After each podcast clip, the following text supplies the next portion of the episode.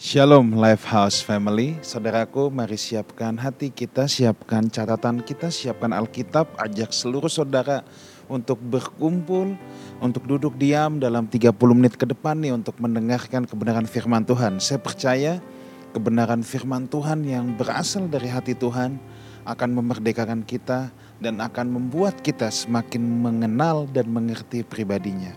Mari kita bersatu di dalam doa. Bapa yang baik, kami ada sebagaimana kami ada. Kami menyadari semua ini hanya karena kasih karuniamu saja.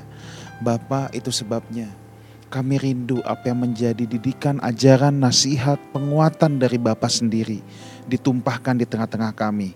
Roh Kudus engkau guru kami yang maha agung mengajarlah. Kami datang dengan sikap hati lapar dan haus di hadapanmu.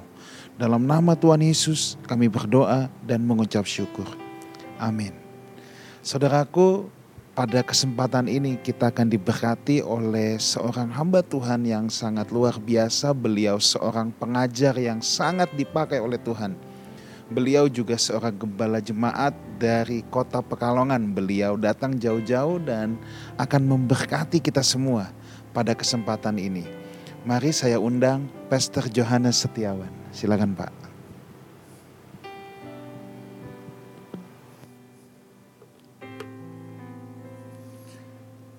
Salam tabah melangkah. Salam terus berkarya. Betapa tidak di zaman berwabah ini Tuhan Sang Gembala itu tetap memberikan kesempatan kepada kita untuk tidak hanya melayani, berkarya, tapi juga merayakan hidup yang sulit ini. Saudara kekasih, sering saya mencoba melihat dunia the millennials. Ya. Baru-baru ini saya membuka sebuah laman dari female.com. Nah, curhatlah seorang gadis. Sudah hampir satu tahun punya tunangan. Tiba-tiba tunangannya memutuskan hubungan kasih. Eh dengan cuma satu alasan. Kamu terlalu gembrot. Kamu bukan tipe yang aku dambakan. Hanya karena gembrot. Ah, si cowok mengharapkan gadisnya itu bohai, sensual. Ya. Tapi ternyata si gadis bukan bohai tapi bobotnya tidak seperti yang ia idealkan. Well, jadi sering kali cinta dikaitkan dengan penampilan. Cinta dikaitkan dengan body appeal, sex appeal. Pada saat yang diberkati ini, saya ingin menyampaikan the authentic me. Mari kita baca dari Kidung Agung Fatsal 2 mulai ayat kita yang pertama. Bunga mawar dari saron aku. Bunga bakung di lembah-lembah seperti bunga bakung di antara duri-duri. Demikianlah manisku di antara gadis-gadis. Seperti pohon apel di antara pohon-pohon di hutan, demikianlah kekasihku di antara teruna-teruna. Di bawah naungannya aku ingin duduk, buahnya manis bagi langit-langitku. Telah Dibawanya aku ke rumah pesta, dan panjinya di atasku adalah cinta. Kuatkanlah aku dengan pengganan kismis, segarkanlah aku dengan buah apel, sebab sakit asmara aku. Tangan kirinya ada di bawah kepalaku, tangan kanannya memeluk aku. Kusumpai kamu putri-putri Yerusalem demi kijang-kijang atau demi rusa-rusa betina di padang. Jangan kamu membangkitkan dan menggerakkan cinta sebelum diingininya. Kidung Agung, saudaraku kekasih, tidak kebetulan ditempatkan di bagian tengah dari Alkitab kita. Kidung Agung mau memberikan peringatan sebenarnya pada para orang tua, pada gereja. Ketika nanti anak-anakmu bertumbuh, tidak usah pemuda atau young adult, masih remaja dan sudah mulai mengenal bibit-bibit cinta, berpacaran, tertarik pada lawan jenisnya. Hey, you the parents. Kau harus memberikan perhatian khusus pada putra putrimu itu. Gereja juga harus menyiapkan pak-pak pendidikan agama Kristen yang menjawab kebutuhan mereka, bukan cuma kurikulum yang sangat instruktif.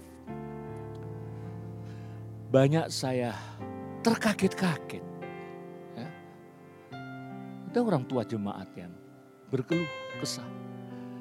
Pak, tidak disangka ketika saya buka WA atau dulu BB anak saya.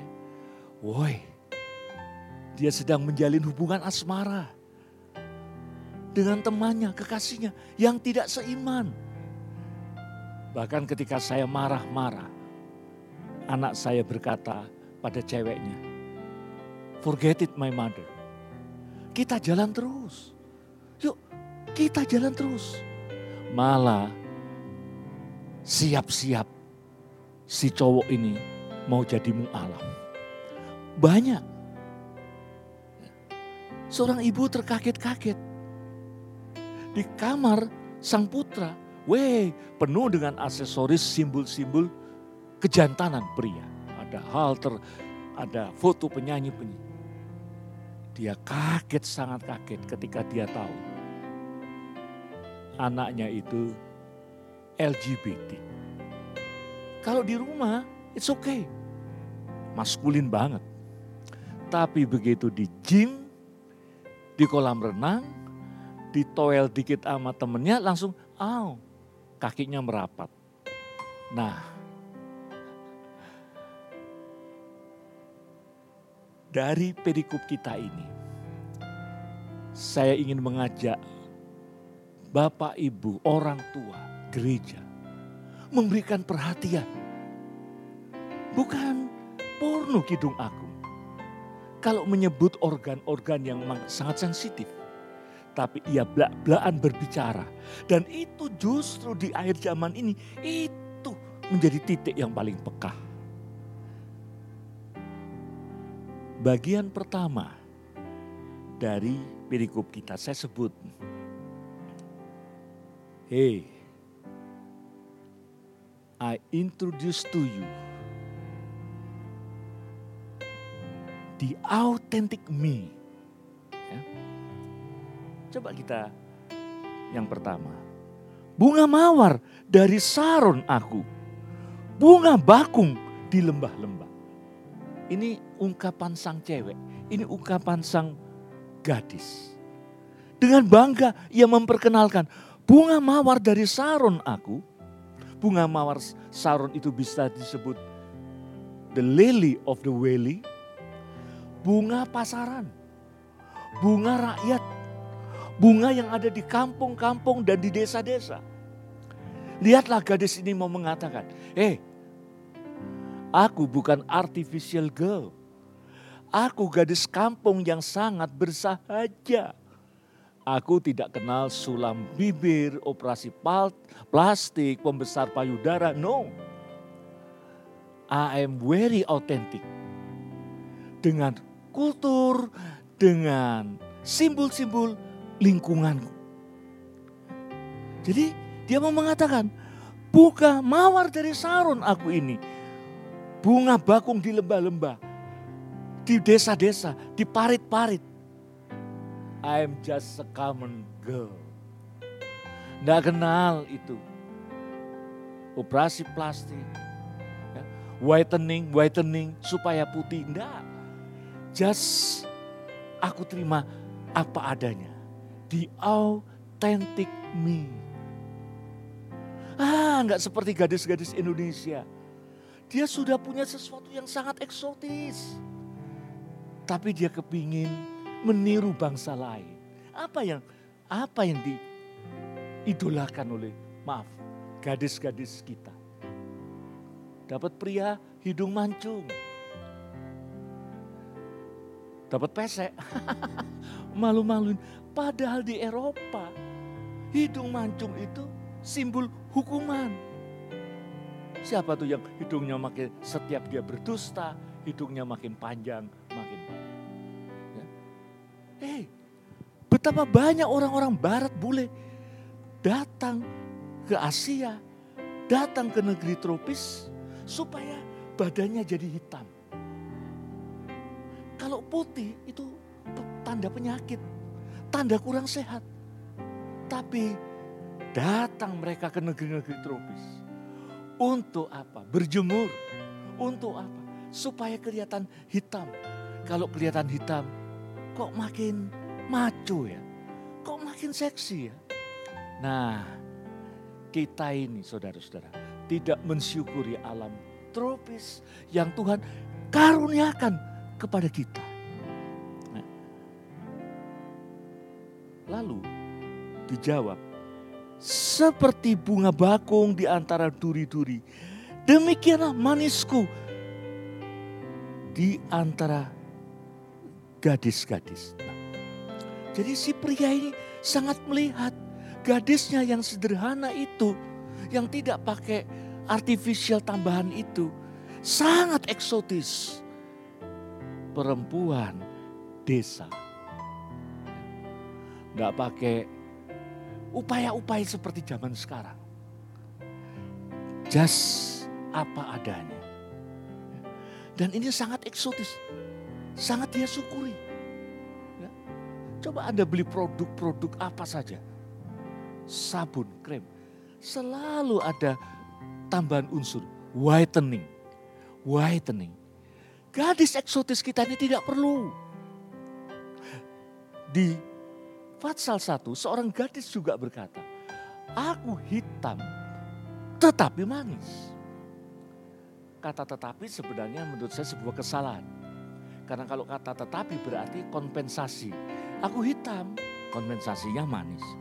Yang betul, aku hitam dan manis. Dan gaya bahasa itu menunjukkan sebuah deklarasi, sebuah kebanggaan.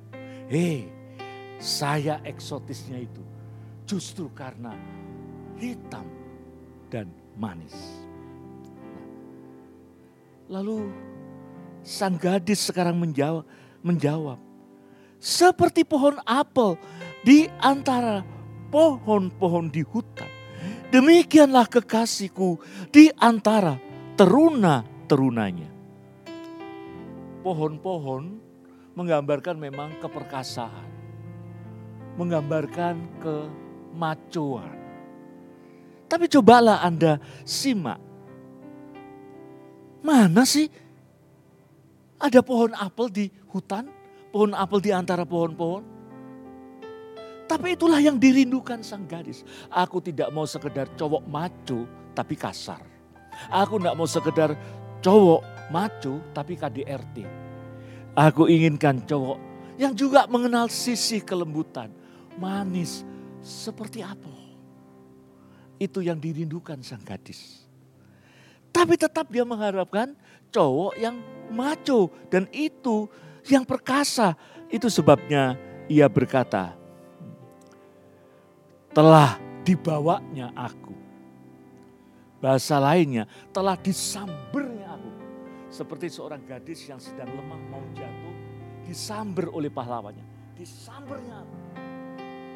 Pasti butuh kekuatan. Ya. Gak mungkin lah sang cowok berkata, ah tak angkat ah. Enggak. Tapi dia tarik, disambut. Karena dia punya kekuatan otot. But inside, wah dia sangat gentle. Gentle. Ya itulah digambarkan dengan apel. Apel di antara pohon-pohon. Ya. Nah, itu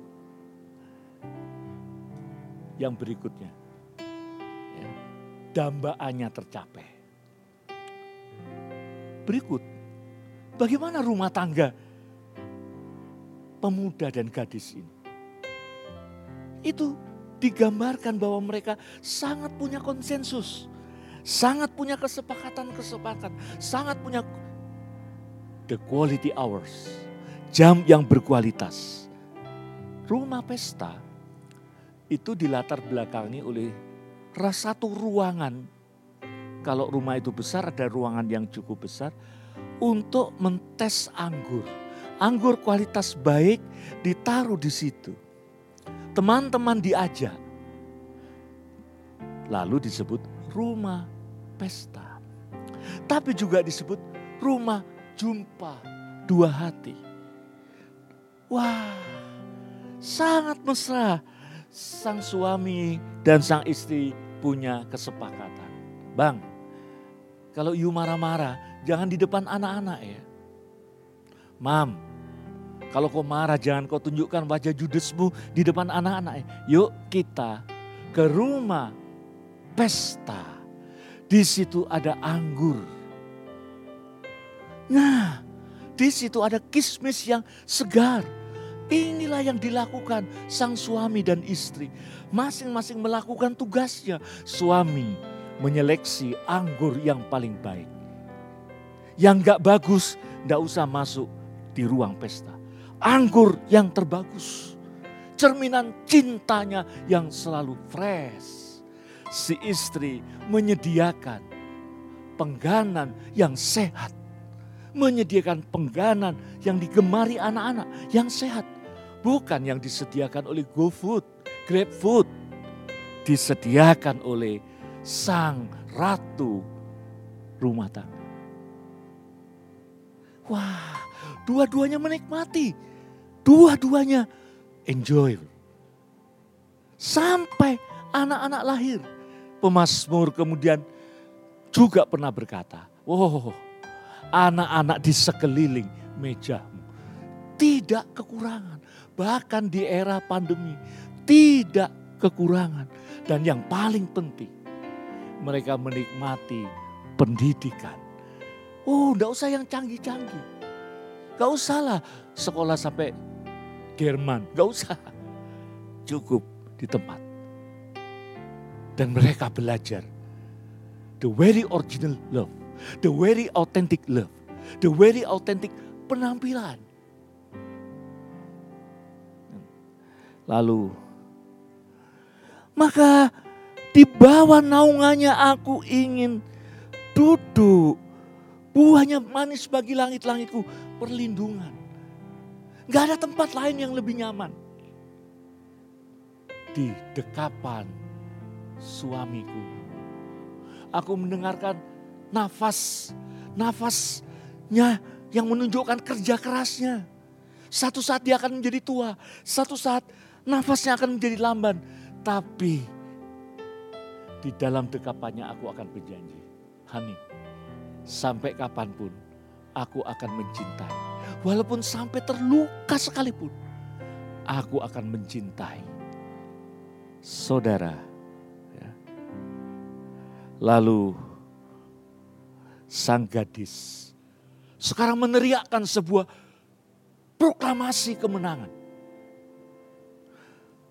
kusumpahi kamu putri-putri Yerusalem dan kijang-kijang apa artinya saudara? Kira-kira kalau bahasa sekarang, swear, swear. Kalau belum kamu siap bercinta, jangan. Tapi kalau kamu sudah siap cinta, wah indahnya cinta itu. Kusumpai kamu akan terkagum-kagum oleh cinta yang kamu peroleh. Asal, asal teman-temanku ya jangan cinta abal-abal. Jangan cinta karena baper. Jangan cinta model-model artis yang waktu diwawancarai oleh wartawan.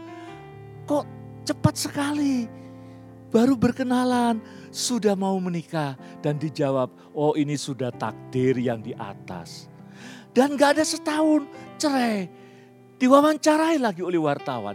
Kenapa Anda bercerai? Belum cukup panjang umur perkawinan Anda. Dijawab dengan ringan, ini sudah kehendak yang di atas.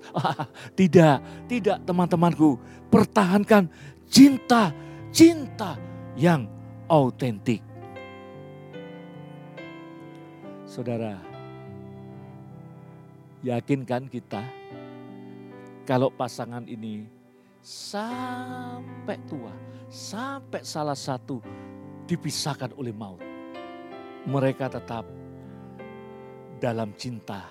Bukan berarti hidupnya tidak pernah sulit, bukan berarti panen gandum dan anggurnya tidak pernah gagal. Pernah lah, pernah. Tapi itulah doa mereka. Apa pun bang, ya dek, apa pun ada kesulitan, Biar kita minta pimpinan Tuhan. Yang empunya kebun anggur. Yang empunya semua ladang. Mari kita minta agar kita tetap diberikan kemampuan untuk merayakan hidup yang sulit ini. Saya yakin teman-teman pendengar, saudara sekalian,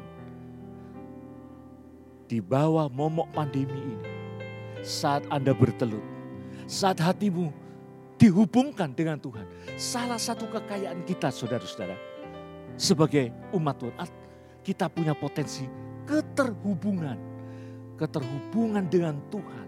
Melalui rohnya yang kudus.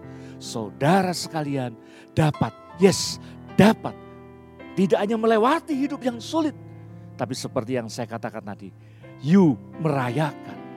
Bak sejoli, merayakan hidup yang sulit dan tetap being authentic sampai akhir zaman.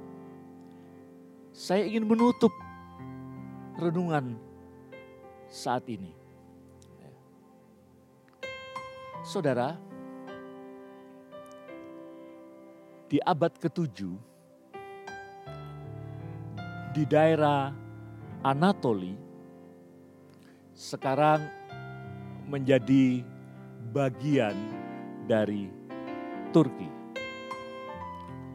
Hiduplah seorang rabi yang sangat terkenal, bijak, selalu memberi solusi. Namanya Rabi Sisai. Rabi Sisai terkenal. Murid-muridnya sangat banyak tapi ketika Rabi Sisai ini makin senja usianya, makin senja usianya, ia cenderung untuk menutup diri di kamar. Ia sangat murung, tidak happy seperti biasanya. Gelisahlah murid-muridnya Kenapa guru kita tidak seperti dulu? Selalu menyinarkan wajah ceria. Sampai saudara salah seorang murid tertua memberanikan diri datang menemui Rabi Sisai. Bapak mewakili murid-murid. Saya ingin bertanya Kenapa Bapak akhir-akhir ini murung, sangat murung? Ada apa Bapak? Bukankah selama ini Bapak bergaul dengan kami, membagi sukacita kepada kami? Kenapa Bapak di usia yang sekarang ini bermuram durja, bermuka murung? Apa jawab Sisai? Anakku, kalaulah nanti Tuhan memanggil aku pulang. Dan kalaulah Tuhan bertanya kepadaku, Zisai, kenapa engkau tidak menjadi Moses yang berikutnya? Aku akan mudah menjawab anakku. Ya Tuhan, aku tidak bisa menjadi Musa yang berikutnya karena engkau tidak memberikan roh kepemimpinan. Tongkat kepemimpinan kepadaku. Andai kata Tuhan bertanya kepadaku, Hai Rabi Sisai, kenapa engkau tidak bisa menjadi Salomo berikutnya? Saya dengan mudah akan menjawab, saya tidak dapat menjadi Salomo yang berikutnya. Karena engkau tidak pernah memberikan kebijaksanaan kepada saya. Seperti engkau memberikan kepada Salomo. Tapi ini anakku, yang aku takutkan, yang aku sedihkan. Kalau Tuhan bertanya, Sisai, kenapa engkau tidak pernah menjadi Sisai yang autentik, yang seperti aku citrakan, yang seperti aku program dan rencanakan. Itu yang membuat aku sedih. Amin. Marilah kita berdoa. Ya Tuhan, ampunilah kami yang sok eksotis, yang sok mempesona. Tapi sebenarnya kami adalah cerminan dari rendah diri, enggak pede, selalu ingin seperti orang lain. Tapi belajar dari gadis Kidung Agung tadi. Dan pria pujaannya yang sangat menjunjung tinggi otentisitas karena karyamu. Biar itulah yang membuat kami menatap hari esok penuh harapan dengan otentisitas yang kau karuniakan kepada kami. Terima kasih. Diberkatilah setiap orang yang mendengar. Diberkatilah setiap orang yang melangkah tabah di hari-hari ke depan. Sekalipun hari ini berwabah. Dan tidak tahu kami kapan wabah ini akan berakhir. Tapi bukankah firmanmu berkata, pertolonganku dari atas. Semua pintu bisa tertutup. Tapi keterhubungan kami. Dan itu nilai yang paling autentik dalam hidup kami. Kami memandang ke atas. Wow, pintu sebelah atas tidak pernah tertutup. Terpujilah Tuhan. Haleluya. Amin.